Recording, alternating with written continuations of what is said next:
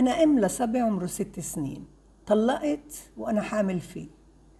الآن في شاب أعزب متقدم لي بس هو متردد بخصوص ابني. وأنا بدي أتجوز.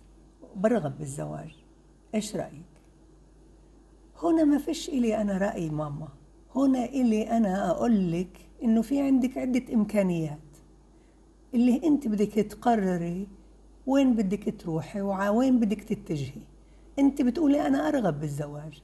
الزواج يعني إنك بدك ترتبطي بهذا الشاب وبدك تعيشي معه وبدي يصير عندك قضية تانية. يعني أنت حققتي رغبتك بالزواج بس بدأت بدأ عذابك مع طفلك اللي عمره ست سنين. هو ما بده إياه. هو وضح لك إياها من الأول. يعني أنت ممكن كثير تفكر تقولي يلا أنا بتزوجه وبعدين بغير رأيه بكرة وبتحمل الولد. لا هو من الأول بقول لك إنه أنا مش راضي على إنه ينضم لنا هذا الصبي. هل أنت تقدر تعيشي من غيره لهذا الصبي؟ يعني أنت آه، رغبتك بالزواج أهم من إنك تكوني أم هذا الطفل؟ هنا سؤالي. أنت اللي بتقرري. هاي قيمك هاي حياتك هاي رغبتك.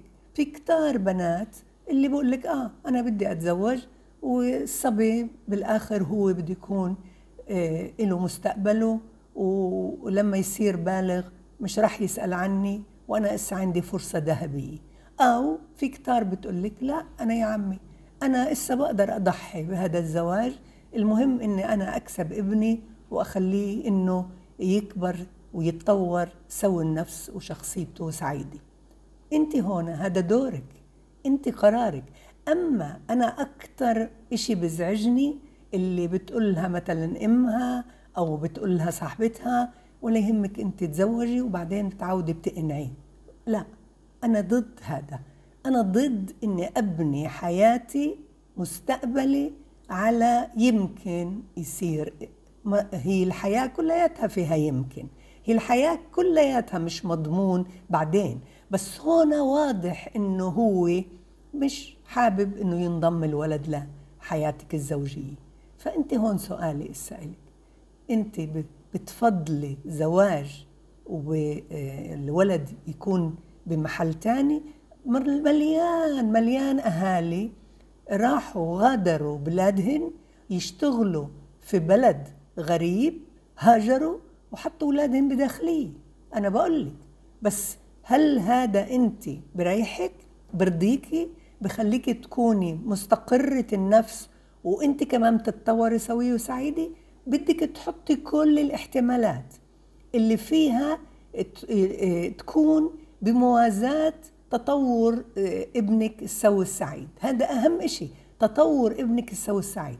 إسا ممكن إنك تقرري بدكش تتزوجي. لكن بدك تصيري أنت وابنك كل الوقت تطلع عليه وتعاني بإنه هو موجود معك أنت أم بس أم اللي مش راضية ام اللي حست حالها انه ضحت بمستقبلها. بدك تعرفي توازني بين حياتك الشخصية وقراراتك المستقبلية وبين إيش بتحبي وإيش بتحبي لابنك. أما أنا أقول لك إنه لا يا بنتي آه، آه، اتركي هذا النصيب اللي جايكي. أو أقول لك لا يا بنتي آه، روحي لهذا النصيب. مش كل يوم بيجي هذا مش دوري. دوري أعطيك الاحتمالات كلها وأقول لك أنت إسا دورك إنك تنتخبي أي احتمال اللي بتحسي إنك بتقدر تكوني قوية فيه آه، سوية راضية مبسوطة وتكملي المسار تبعك بدون ما تكوني تجلدي حالك أو يوجعك ضميرك أو تتعذبي.